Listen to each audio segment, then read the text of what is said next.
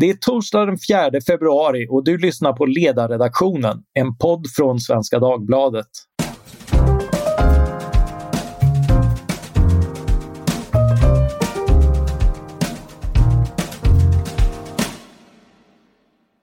Jag heter Mattias Svensson och är sedan i måndags ny ledarskribent. Dagens ämne är marknader och om sådana är ett sätt att hjälpas åt. Bakgrunden är en dejt mellan en kvinna med högersympatier och en snubbe med hjärta till vänster som är på väg mot ett tidigt slut på grund av skilda uppfattningar. Då ingriper en förklaringsglad nationalekonom och tar med de unga tu på en upptäcktsfärd i marknadsriket. Efter en lång dags pedagogiska utvikningar uppstår intresseharmoni, åtminstone en romantisk sådan. En Tinder-date från helvetet, skrev Johannes Klenell, kulturredaktör på Arbetet, när han i förra veckan recenserade denna berättelse. Serieboken Hjälpas åt om marknader och människor av nationalekonomen Andreas Berg och tecknad av Ola Skogen. Johannes är med oss idag. Välkommen! Tackar, tackar. Men kanske är boken rent av en manual för den perfekta dejten. Hur tänkte förlaget när de gav ut en seriebok om marknadsekonomi och mänskliga möten? Med mig för att svara på detta har jag Amanda Broberg, marknads och studentansvarig på Timbro förlag som dessutom är viceordförande i Fria Moderata Studentförbundet. Välkommen Amanda! Tack så mycket Mattias! Jag tänkte börja med dig. Eh, på, ja. vilket på vilket sätt är marknadsekonomi ett sätt att hjälpas åt? Nej, men jag tycker det intressanta, eh, det här kommer ju då ska vi säga från en, en parafrasering av då, eh, ett gammalt nummer av Bamse. Där man pratar om att betala skatt är ett sätt att hjälpas åt. Eh, och den här boken beskriver då hur marknader blir ett sätt för att eh, ja, helt enkelt organisera eh, ekonomin och så i fria samhällen. Och det jag tycker är intressant är att det finns ju idag alltså en ganska vanligt förekommande slentriankritik av marknadsekonomi. Eh, kapitalism är kanske mer, ett mer vanligt skällsord i de här sammanhangen. Men om man ska kunna kritisera marknadsekonomin så måste man ju också komma med någon form av alternativ. Och alternativet blir ju någon form av eh, tvingande organisering istället. Eh, i en marknadsekonomi så kan folk bestämma själva vad de vill konsumera. Eh, företagen bestämmer vad de vill producera eh, och det är det bästa alternativ vi har hittills helt enkelt. Ja, jag är ju lite eh, kritisk mot att boken är för okritisk mot Bamses eh, att betala skatt är att hjälpas åt. Därför att skatt tvingas man ju ändå till medan eh, vad man handlar och inte på en marknad är ju en ömsesidigt frivillig transaktion. Eh, men jag tycker den har stora förtjänster i att den lyfter fram att, att det också just när människor får interagera frivilligt så är det en eh, eh, så är det ett samarbete. Eh, och jag tänker på P.G. O'Rourke, den amerikanska skribenten eh, i sin senaste bok som skriver att konkurrens i ett marknadssamhälle är som vermouthen i en martini. Det är en nödvändig den komponent men den är utblandad med den gin som är samarbete mellan fria människor. Eh, och då tänkte jag gå över till eh, Johannes. Eh, är det här en för eh, glätt riktig bild av marknadsekonomin eh, och som presenteras i den här boken? Jag vet inte, det, det är liksom... Frågan är mer komplex än så, tycker jag. Uh, för att alltså, Problemet boken har ligger ju någonstans i tonläget för att det är, hur ska man säga, marknaden finns ju där. alltså, mm. Eh, marknaden upphör ju inte existera för att, och där har ju Berg en poäng. I, för att det handlar om en interaktion mellan människor. Alltså inte ens under de värsta förtryck försvinner egentligen marknaden på det sättet. Alltså människor kommer alltid utbyta tjänster med varandra. Eh, så, så, tvärtom så kan jag känna att, att, att det, det, är en bok som visar lite tecken på dåligt självförtroende. Alltså det, det blir lite som när KD ska försvara kärnfamiljen. Det är också så här, ja fast den uppstår ju ofta ganska naturligt. Sen finns det de som, som vill vara någon annanstans. När man så okritiskt börjar hylla någonting som lite är en självklarhet så, så, så tycker jag väl kanske att, att man, man tappar några av värdena i vad marknaden är också uh, och hur den kan förhålla sig mellan människor. Alltså, det, det, blir väldigt lätt för Berg att prata om att inom ett företag kan det råda planekonomi. Uh, men, men däremot så kommer man aldrig till läget av att det uppstår även marknader i en planekonomi. Eh, om du förstår vad jag menar. Ja, samistat-litteraturen till exempel. Ja, men alltså, det, det, det, den finns ju där. Alltså så, jag, jag, och jag, för mig är det ganska... Nu, nu är jag kanske Sveriges mest marknadstillvända vänsterpartist men, men, men jag... eh, jag tror att jag satt och irriterade mig på det. Alltså det här konstanta, lite defensiva tonen kring någonting som vi faktiskt kan prata om på ett annat sätt. Så kan jag mm. säga. Men finns det inte en väldigt eh, vanlig kritik just att marknader associeras med konkurrensbiten som, som ju finns och, eh, och, och, som nog de flesta försvarar? Men att Eh, om jag läser till exempel Nina Björk så beskrivs marknader enkom i eh, termer av konkurrenssamhälle och vi antas närmast på individuell nivå bara tävla med varandra och se varandra som, eh, som liksom någon sorts eh, kon, kon, enbart konkurrenter. Och, eh, och eh, då kan det ju vara värt att lyfta fram att företag också är konglomerat som samordnar människor över eh, över hela jorden och, och, tenderar att också samarbeta med andra leverantörer, kunder och eh, andra. Ja, fast då, då tänker jag att, att det, det, kanske man inte gör genom att sätta motargumenten hos världens mest pantade vänstersnubbe.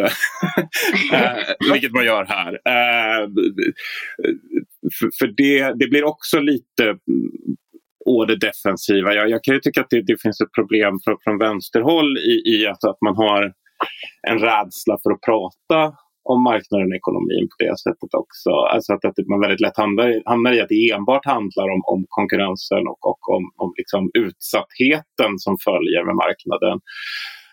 Uh, Medan för mig är det mer så att jag ser det som två ganska synergerande krafter, alltså stat, regler och, och, och marknad. Jag, jag, är väldigt, jag tycker ju att, alltså också att Berg får fram det ganska bra i boken, alltså när han talar om, om, om olika former och, och, och om skattetryck och, och, och, liknande saker och hur man håller ihop samhället som helhet. Och, och liksom inte ställer dem mot varandra utan, utan ställer dem bredvid varandra istället. Eh, det tycker jag, det, där tycker jag faktiskt att boken är som mest sympatisk. Alltså för att och bara lägga upp så här, ja, fördelar och nackdelar finns med de olika sätten att se på det. Lite som med ja, ta hårdare coronarestriktioner eller en mildare hantering av det hela och att det, det liksom, allting kommer med olika typer av konsekvenser istället.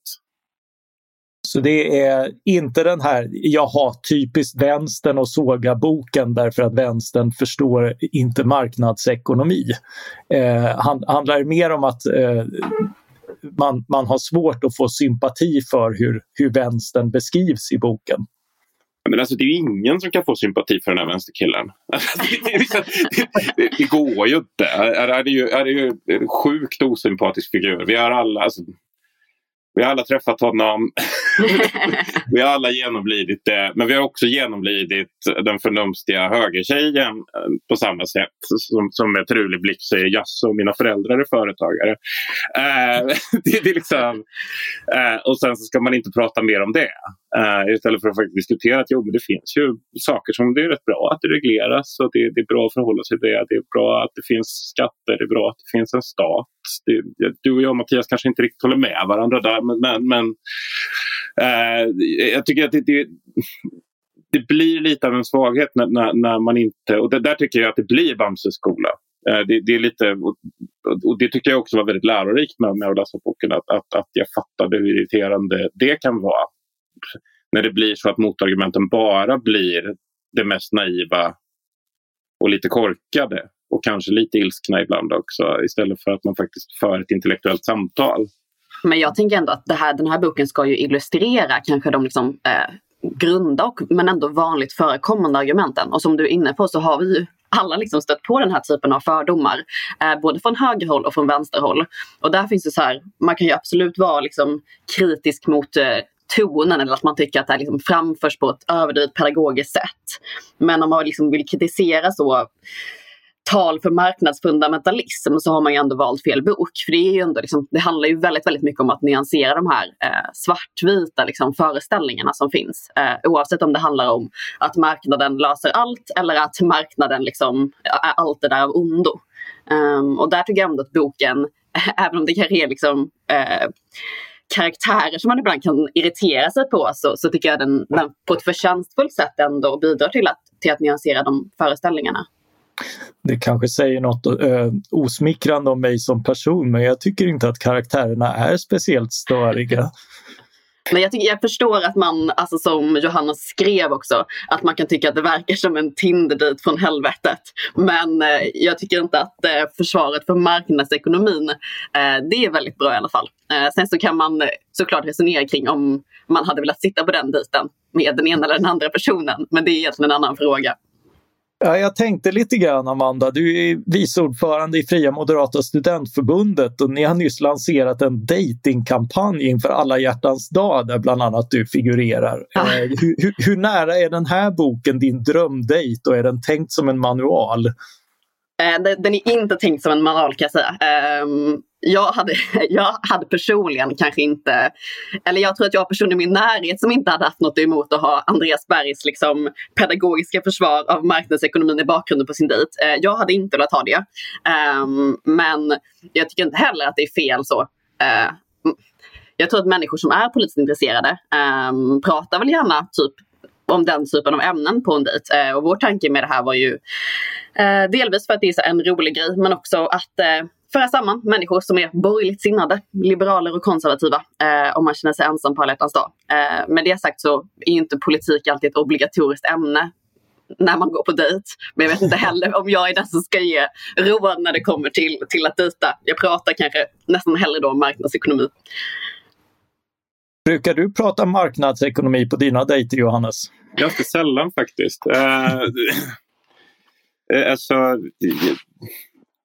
Nej, det gör jag väl inte. Eh, men jag är kanske inte riktigt... Alltså, jag har liksom också vant mig vid att mina perspektiv när det kommer till marknaden är kanske inte så hemmahörande vare sig hos höger eller vänster. Så, det är liksom, så jag, jag hoppar gärna den diskussionen. Liksom. Det, det, jag tror inte någon skulle vara... Eller, jag vet inte hur många som skulle orka lyssna på mina utläggningar om, om hur man äh, säljer prenumerat redaktioner eller bygger solida plattformar på sociala medier. Nej, det är kanske inte världens sexigaste ämne och, och en sån där fråga man måste ställa är ju, finns det en marknad för den här sortens bok? Ja, men det hoppas jag verkligen att det finns. Uh, jag tycker att framförallt så är det kul att vi har testat det här formatet med ett seriealbum. Uh, jag läser mycket seriealbum uh, och de är ofta bra men generellt ganska vänstervrida om man kollar på många av de största serietecknarna. Liv Strömquist som är en av mina favoriter eller Sara Grané till exempel så finns det ju ofta ett tydligt vänsterperspektiv och jag tyckte det var väldigt roligt att vi liksom, kunde ge ut den här boken och erbjuda ett, ett lite mer liberalt seriealbum också. Men, men är tanken med den att den ska ut på marknaden? Eller finns det liksom en, en annan plan för hur den ska bära sig ekonomiskt? Alltså, alltså jag tänker utbildningsmaterial eller liksom eh, så. Alltså, Nej men jag tänker absolut att det här är en bok som man, eh, alltså som många av våra typ klassiker så, som man kan sälja till borgerliga student och ungdomsförbund för att den är liksom eh, ett väldigt så här, roligt och pedagogiskt eh, försvar och liksom förklaring uh, av marknadsekonomi såklart. Men uh, jag är inte heller främmande för att folk faktiskt skulle köpa den här boken. Det är ett väldigt bra seriealbum som är väldigt fint illustrerat uh, och ja, man fyller väl något form av vakuum på marknaden för seriealbum om man tänker att de generellt är ganska vänsterlutande. Mm, nu börjar min entreprenörshjärna kicka igång här. Så ja. jag försöka göra en, en marknadsplan för, för, för boken. Uh, för det är egentligen mitt jobb då, men jag tar tacksamt emot alla tips. Ja. ja alltså Johannes är den mest entreprenör, en av de mest entreprenöriella personer jag känner. Så, eh, och du har ju publicerat och, och sålt eh, tonvis av eh, vänsterserier mm. eh, genom, genom åren, inte minst på Bokmässan. Så, så jag är lite nyfiken på vad som tänks i den där hjärnan och vad, vad planen skulle vara. Vad är dina tips till Timbro förlag, Johannes, för att vi ska kunna kränga den här boken? men jag tror att det är ganska klokt att börja med, med just en, en nischad målgrupp som man, som man vet att man har. Så att säga. Alltså, alltså, att man vet vilka det är man talar för, alltså som till exempel studentgrupper och så. Alltså, alltså min utgångspunkt ganska ofta när jag, när jag jobbar med, med, med kultur är, är ju att, att tänka i målgrupper och då tänka ganska snäva målgrupper till exempel början som liksom sätter fart på golvet. Eh, mm. jag tror inte det här nödvändigtvis är en bok som skulle sälja i drivor om man bara körde ut den rätt ut på Akademibokhandeln till exempel. Men det är ganska få seriealbum som, som, som, som gör det. Eh, jag tycker att den har ett värde i att det ändå är ett första försök till att göra den här typen av serie från ett borgerligt perspektiv. Mm. Um, det har i sig ett värde faktiskt. Alltså så, uh, för att det blir en snackis på det sättet. Det märkte jag när jag skrev recensionen. Den blev väldigt läst. Uh, ja, det var en kul sågning. Kanske för att den var alltså näst, jag höll på att säga nästan till obligatorisk. Alltså så. Uh, på sättet att liksom, det är såklart att arbetet kultur ska komma och såga oss när vi ger ut ett uh, seriealbum om marknadsekonomi. Ja, eh, och det var lite tråkigt av mig egentligen eh, kan jag tycka.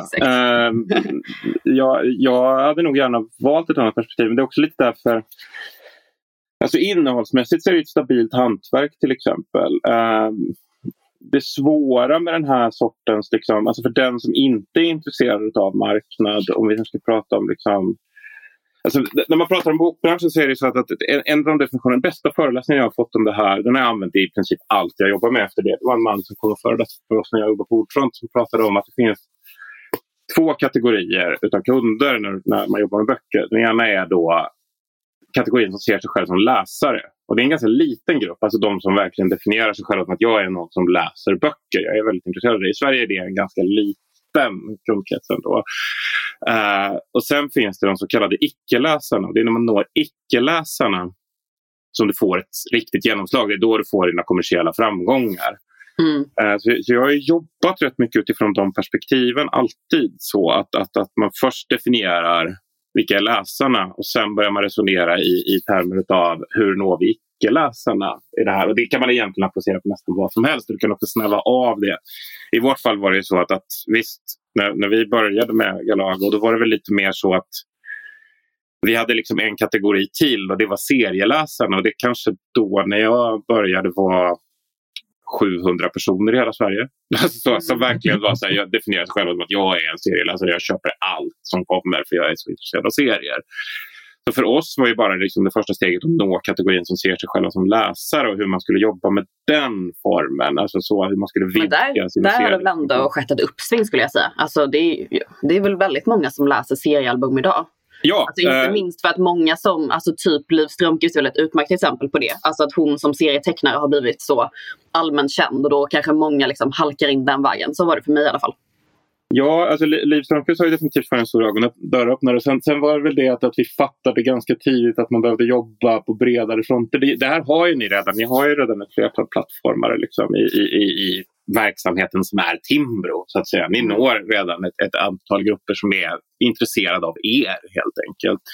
Vi var lite tvungna att bygga den scenen. Att, att, för att tidigare så har det varit så med, med svensk seriekonst i ganska hög utsträckning att, att vi levde i seriefigurens tid. Alltså, Först kom Socker-Conny som var den liksom stora storsäljande seriefiguren. Och Joakim Pirinen blev såklart en jättestjärna på det. Men det var just Socker-Conny som var den första definitionen. Då frågade alla vad, vad blir nästa grej efter Socker-Conny? Och då kom Arne Anka. Då var det Arne Anka som var helt dominerande i seriebranschen. Och allting annat har liksom gått okej okay, men inte den här maxade grejen. Liksom. Och sen efter Arne Anka så frågade alla vad, vad, vad blir det nu då? Då kom Rocky. Och sen efter Rocky, då händer någonting. Det, det är en ganska viktig del i liksom, hur seriebranschen har förändrats. För att, för att med Rocky så kom någonting som vi brukar prata om som seriefigurens död. Alltså det var inte längre en dominant gubbe så att säga som folk i allmänhet kände till. Utan det, seriebranschen gick över till att bli mer autörbaserad. Alltså i att, att man började gilla Liv Strömquist eller Mats Jonsson eller Sara Graner. Inte deras gubbe eller seriefigur eller så. Och den frågan har de senaste 15 åren nästan helt försvunnit. Förr frågar man vilken seriegubbe ritar du då? Eller så, alltså, mm. och det där är också, liksom, om vi nu ska prata utifrån marknadstermer, så var ju det otroligt hjälpfullt. För att vi kunde ju då när vi lanserade en tecknare så kunde man också göra folk intresserade av tecknaren i sig och vilket sammanhang den var i. Så folk upptäckte Liv Strömquist och blev nyfikna på finns det mer där? Då upptäckte de Sara Garnér. Då upptäckte de liksom att oj, det finns ett helt gäng med serietecknare i Malmö som gör det här. Sen finns det Mats Jonsson också. Där någonstans kanske du börjar prenumerera på serietidningen Galago för att du är intresserad av tillräckligt många av de här tecknare. Då upptäcker du ännu fler så du får liksom ringar på vattnet på det sättet. Uh, men du tycker inte att alltså, seriefiguren, vänstersnubben i Hjälpas åt håller måttet riktigt? Det är ju ingen seriefigur. Alltså, nej, det, nej, det, är ju inte som att Ola Skogeng och Andreas Berg kommer göra det vänstersnubben. I, vilket hade varit en fullt hållbar seriefigur. Ni hade fått säkert fått jättemycket genomslag på det. Bara ha liksom en vänstersnubbe som pratar med nationalekonom i strippform. Eller så. Uh, alltså, jag är väl den där läsaren där. Jag känner mig lite sugen på att, uh, att se den ta form. Uh, men, men om vi tar Liv Strömquist till exempel så finns det ju där ett, eh, ett bredare samhälle. Alltså hon, eh, hon pratar och hon diskuterar och hon gör, eh, låter det ta andra uttryck än just serieformatet.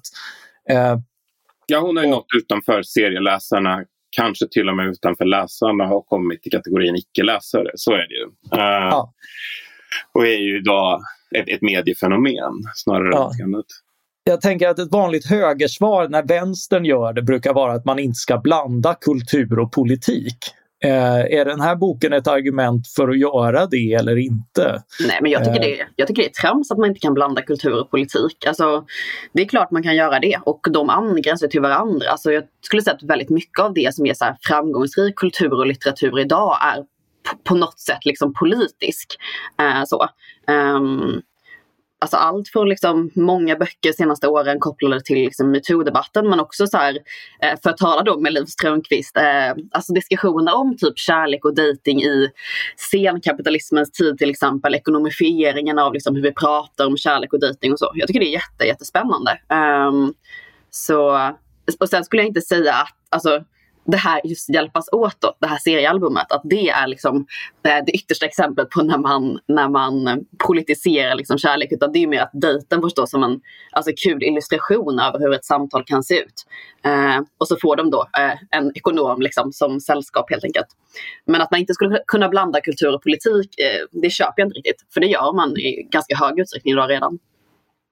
Eh, jag tycker väl mer att eh, det, om man ser till formatet så tycker jag att det är, kul, det är alltid en utmaning att förenkla så pass mycket att folk faktiskt förstår vad man menar. Det, det är ganska bekvämt eh, både för en själv eh, för att slippa kritik och linda in och, och ha en massa resonemang som folk inte hänger med på. Eh, så jag är alltid beundran, eh, full av beundran för de som förenklar tillräckligt för att presentera kort. Och jag tycker även en sån där grej som notapparaten här där, där man faktiskt får referenserna i form av sånt man kan läsa så att jag kunde upptäcka att eh, den här tanken som också finns i Bamse om att eh, om, vi, om vi tillverkar saker som går sönder fort så måste folk köpa nya. Eh, det var faktiskt en, eh, en eh, tänkt keynesiansk stimulansåtgärd från 30-talet att man skulle beskatta folk som tog tillvara på sina kläder istället för att köpa nya av sina prylar och sånt där. Så på det sättet tycker jag att att boken har hittat, eh, hittat format som är lästrevliga även om jag kanske inte ser, ser produkten som jämförbar med, med liksom un, underhållningsserier, låt vara med, med en eh, politisk ton. Där, där behöver man nog bli mycket mer personlig skulle jag gissa. Det är också lite så här att, jag tycker absolut att man kan blanda eh, politik och kultur. Eh, och, och, och, precis som Amanda säger så är det också så att, att nästan allt som blir framgångsrikt i Sverige är ju någon sorts korsbefruktning av politik och kultur. Däremot vet jag inte om det nödvändigtvis blir så fruktansvärt bra kultur. Eh, alltid, faktiskt. Alltså jag tycker att ganska mycket plakatpolitisk konst har ganska stora problem. Alltså i att, att, att, att den eh, faktiskt inte bär sig på något annat än att man håller med om budskapet. Jag har väldigt svårt för satir till exempel, vilket kan låta konstigt som jag jobbat med satir i 15 år. Eh, men jag tycker att väldigt mycket satir är väldigt dålig av den enkla anledningen att den inte främst är rolig. Utan att det är att man håller med som är den viktiga biten. Och, och vänstern har jättestora problem med det här. Alltså med att, att vi, vi, det finns ingen urskiljningsförmåga för kvalitet överhuvudtaget. Och jag kan säga att det var en ganska bisarr roll att sitta och, och, och, göra urval utifrån det när den där urskiljningsförmågan saknas. Så att, att någon vill att man ska publicera den här skämtteckningen som blivit jätteviral på sociala medier. Och så tittar man på den, men det, den har ju inget större konstnärligt värde. Det är bara att alla tycker så här och de delar den då för att de tycker så. Och, det, så, så att, och där har jag nog förändrats ganska mycket. När, när jag började jobba så tyckte jag nog att politiken var en väldigt, väldigt, väldigt viktig del utav konsten. Men, Medan nu är nog min uppfattning att, att den kan ha en ganska destruktiv effekt på, på liksom, som jag säger, det kvalitativa arbetet. Och, det, och det, det, där, det där är ju någonting som vi återigen, kan låta märkligt att jag säger det här men, men jag, jag tycker också att det finns problem i, i när Alltså att vi har fastnat ganska mycket i, i liksom att, att, att konsten och kulturen ska vara syftesbärande på något sätt. Alltså närmast opinionsbildande. För att det gör att, att eh, du hade en kommentar Amanda. Nej men jag tänker att det är skillnad också på att så här, kultur kan vara politisk eller eh, jag vice versa. Nej, men att, att det är skillnad på det och att saker är partsinlagor. För det är klart att det alltid är tröttsamt när man läser en bok och liksom det politiska perspektivet är nästan intvingat. Jag tycker det är ett ännu större problem idag i litteraturen att det är så mycket handlar om vad som ska vara självupplevt. Att det liksom ska utgöra det enda måttet för typ vad som är autentiskt. Och det finns ju jättemycket i typ metoo-litteraturen till exempel att kvinnor ofta, för att vara lite feministiskt, liksom, eh, typ förväntas, alltså det finns en sån där efterfrågedriven liksom, förväntan på att här, kvinnor ska vara väldigt självutlämnande liksom, när de, som, som eh, konstnärer eller kulturutövare. Liksom. Och det blir ofta tröttsamt för då blir det så uppenbart att så här, man vet att det här uppenbarligen är fruktbart men det kanske inte alltid innebär att det är det yttersta liksom, måttet av kvalitet. Men återigen då, för att tala med marknaden, uppenbarligen så är det här ju någonting som folk vill ta del av. Och då kan man ju såklart vara smakdomare och tycka att så här, det är tråkigt att satir bara handlar om att hålla med. Eller det är tråkigt att så många kvinnliga författare berättar om vad de själva varit med om när de skriver skönlitteratur eller liksom, eh, autofiktion. Men i grund och botten så verkar det här vara någonting som då läsare eller till och med den här svåra målgruppen icke-läsare vill ta del av. Och då har jag svårt att liksom så man kan såklart ha synpunkter men jag har svårt att se problemet. Liksom, eller, det är en uppenbar förklaring till varför den här typen av kultur skapas helt enkelt. För att människor vill ta del av den. Jo men så är det Det ska vara personligt och det personliga ska helst också vara politiskt. Då ja, har du liksom ett framgångsrecept. Eh, och det handlar ju också om att, att, att att hela världen går så fort nu så det är också det att du vill ha en snabb hitspitch som motiverar dig till varför du ska köpa den här boken eller varför du ska läsa den här boken. Och det, har du då liksom de tre leden då är, du liksom, då är du redan såld på det här. Liksom. Varför, är, varför ska jag motiveras till att göra det? Så här funkar ju egentligen allting idag. Det är ju samma sak med liksom, kultursidor eller hur man skriver artiklar eller hur man formulerar, formulerar sig i liksom, digitaliseringens tid.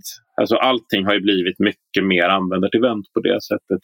Eh, nej, jag, jag ville nog mest bara inflika det att, att, att det, det, som kan vara tråkigt med det är just att, att man, man, man lätt fastnar i en sorts liksom, bristande urskiljningsförmåga som producent där som inte alltid är bra. Uh, jag kunde nog uppleva till exempel kultursidorna på den tiden de inte förstod serier, alltså för tio år sedan, recenserade och hyllade i princip vad som helst, bara det innehöll de här liksom, formelstegen.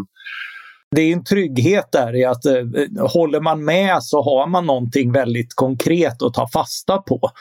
Eh, och, och, då blir det lättare att, eh, att ta till sig det andra också. Ja. Eller svälja det oavsett kvalitet förvisso. Fast jag är typ superoptimist när det kommer till, alltså, jag höll på att säga vad marknaden har skapat för typ av ny kultur. Alltså inte minst om man kollar typ, om man jämför med vilka filmer och serier man kollade på för tio år sedan innan Netflix och alla streamingtjänster. Så var det typ så dåliga amerikanska high school-filmer och nu gör man jättehögkvalitativa serier. Det är inte alls det här liksom, eh, ja, man gör det på liksom andra språk än engelska. Det är inte alls den här hyperamerikaniseringen längre av kulturen. Alltså dokumentärer som får jättestort genomslag bland jättemånga människor och så. Uh, och jag hoppas väl att typ litteraturen och kultursidan också kan gå dit på ett sätt. Um, men jag tror Ja, nej, jag är nog ändå ganska optimistisk faktiskt när det kommer till att kulturen inte behöver vara de här liksom, det som man tänker är förväntat kommer sälja. Utan om det är några som har liksom visat vägen där så är det typ serier och filmer. Liksom, där man har visat att saker som man... Ja, det var väl få som trodde så att en, en, en serie om en ung ortodo ortodox judinna liksom, som, delvis, eh, eh, som delvis utspelar sig i typ Brooklyn och The Community skulle bli en av så här, fjolårets mest eh, liksom, hyllade serier. Eh, eller tittade serier, men det blev det ju med Unorthodox på Netflix till exempel. Ehm, um, att det finns en, en, något vackert i, i rastlösheten och experimenterandet, att man inte riktigt vet vad som kan dyka upp. Och, och alltså, eh, sarkasmen kom ju som ett svar på 90-talets ironi och 90-talets ironi kom som svar på att man eh, tidigare visste allting och sen så skulle man skoja om precis allting. Men eh, sen blev det obligatoriskt att kliva över varenda gräns och då började folk tröttna på det och, och sökte sig till eh, sarkasmen med sina förutsägbara, ofta politiska slutsatser, tänker jag. Och nu har vi kanske nått den vägens ände och det, det är dags för någonting eh, nytt. Jag tänkte, en, eh, det är en optimistisk spaning om just experimenterandet och sådär, men jag tänkte innan vi lämnar er, eh, apropå den här boken eh, och marknader, vilken är er respektive tyngsta invändning mot marknader och tar boken upp det? Ja, nej men jag tänker, alltså lite det som vi har varit inne på i det här samtalet tycker jag att, alltså att Johannes kanske tycker, nu sätter jag ord i munnen på det höll på så här, men, men att det här är liksom en så här, grundläggande förklaring av marknadsekonomin. Och det är det ju såklart, alltså det här är ju liksom introducerande. Och där finns det ju, därför man kanske inte, därför tar man kanske inte upp liksom vad ska man säga, mer svåra dilemman kring marknaden. Jag kan tycka att så här, ja, men när det, den utveckling vi ser nu med så big tech-företag, maktkoncentration på marknaden, antitrustfrågor, monopolliknande ställningar som nya företag får. Alltså att det är en, en invändning man kan ha mot marknaden eller ett dilemma för marknadsekonomin. Alltså framförallt som liberal. Um, men jag tycker kanske inte att nödvändigtvis att det hade behövt tas upp i boken. Det är väl liksom ett ett djupare steg in i, i liksom diskussionen om marknadsekonomi att, att diskutera det. Um, men det är definitivt liksom en invändning jag har, ett dilemma för liberaler som, som man borde problematisera och diskutera mer, tycker jag. Alltså, jag, jag skulle nog ändå vilja formulera om frågan lite. Uh, jag kommer att prata om marknader, men jag tänker också prata om boken. Jag vet att, att du Mattias irriterade dig lite på det här att jag tyckte att det var förnumstig dynga med hardcore-killen. Mm. Eh, som skulle få genomslag i Asien om man köpte billiga bilar därifrån. Det är intressant att, att du, och, och, det är lite problemet med, med boken också. Det, det, är att du missförstod vad problemet var med den rutan. Alltså det är den här ja. man ska mästra honom då kring och han ska komma till någon sorts insikt om att jaha, mitt band kan få genomslag i, i, i Asien om vi köper billiga bilar därifrån. Uh, för då får de mer Problemet med, med, med, den formuleringen är att det är ett missförstånd av en del av vänstern som kommer fram där. Och det är för att en hardcore-musiker eh, eller någon som tillhör det som man skulle kunna kalla för DIY-kulturen som alltid har varit väldigt utbredd inom vänstern. Det är några av de absolut kunnigaste entreprenörerna som finns. Alltså är det från väldigt, väldigt tidig ålder. Jag kommer själv ur hardcore-scenen. Det finns inga som har sån koll på marknaden och som har varit så duktiga på att hitta liksom, fungerande ekonomier i sina små skivbolag, i att göra Europaturnéer, i att bo på olika soffor för att få det att funka och bära sig ekonomiskt. Att som 17-åring kontakta någon ungersk vinylkung som kan pressa blå vinyl billigt. Alltså, alla de här elementen, alltså, alltså egentligen är ju liksom hela punk och DIY-scenen, det är ju liksom Svenskt Näringslivs våta dröm. Uh, men med ett, ett, ett, ett, ett samvete applicerat ovanpå det. Uh, för att väldigt lite också är baserat på, visst det finns studiecirklar och det finns liksom de bitarna men, men otroligt mycket av det handlar faktiskt om att få fungerande små mikroekonomier. Uh, det här hatar folk i vänstern, jag säger också. Uh, men, men, men, det finns också vissa delförklaringar i det här som också förklarar varför vänstern tenderar att vara bättre kulturentreprenörer än, än borgerligheten. Alltså när det kommer till mm. att skapa fungerande ekonomier. För att man är ganska van vid att jobba utifrån de här förutsättningarna. Att, att det är en liten ekonomi men den ska bära sig och du ska hitta de här medlen för att kunna arrangera den här konserten. Och du ska hitta de här samarbetspartnerna och du ska få in en sponsor där. Och ganska många av de här människorna börjar göra det när de är 14, 15 år gamla. Alltså när de kör sina första rep på fritidsgården egentligen så är det liksom introduktionen för hur kulturekonomi ser ut. Så det, är liksom så här, du kan inte lära dig det på Handels. För att det, är, det sitter i ryggmärgen på jättemånga av de här. Och det tyckte jag var den förnumstiga dyngan. Eh, ja. att, att man faktiskt inte hade koll nog på sin meningsmotståndare för i det läget fatta vad det är man förklarar och för vem man förklarar det helt enkelt. Ja, så det är egentligen en, en uh, möjlighet. Det här fanns en möjlighet att suga upp någonting uh, kring entreprenörskapet snarare än, uh, än att göra den här poängen kring handelsekonomin som Berg är inne i och göra att om vi importerar billigare så Ja, för det har den här hardcore-killen redan gjort, vad som är blå vinyl från Ungern.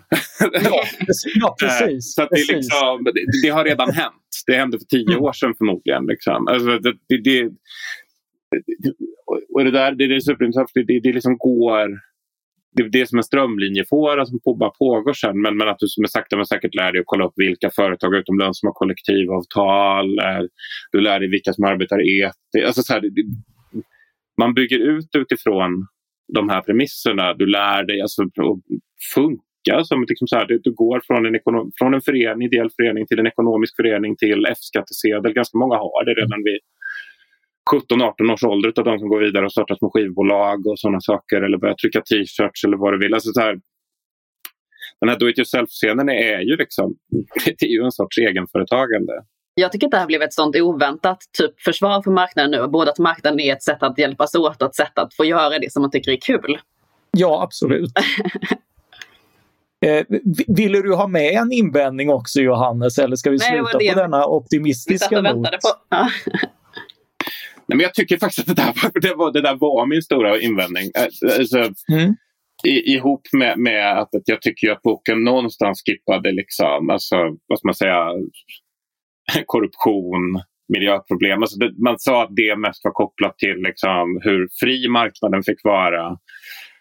Men det finns ju också liksom en, en sorts definitionsfråga. Vad är korruption? Är det svenska skolsystemet korruption? Alltså, är, är att ha råd med de dyraste juristerna i USA och driva rättsprocesser i all oändlighet för att undvika att, att betala skadestånd till människor som har blivit förgiftade av miljöutsläpp? Är det korruption? Alltså, mm. den, biten, den rätt komplicerade biten fanns ju inte där och det, det gjorde ju att, att det blev en lite av en, en, en evangelisk effekt i boken som jag väl.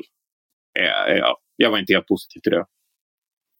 Ja, eh, ja de, de är med men som mycket annat eh, förenklat. Eh, med detta tycker jag att eh, vi har eh, nått en rätt eh, bra förståelse för boken Hjälpas åt om man, marknader och människor av Andreas Berg och eh, Ola Skogäng. Eh, tack så mycket Johannes Klenell och Amanda Broberg. Tack så mycket. Tack så mycket. Tack så mycket också till er som har lyssnat. Tillrop, tankar, re reflektioner och annat kan skickas till ledarsidan svd.se. Jesper Sandström har producerat och jag heter Mattias Svensson. Tack så mycket.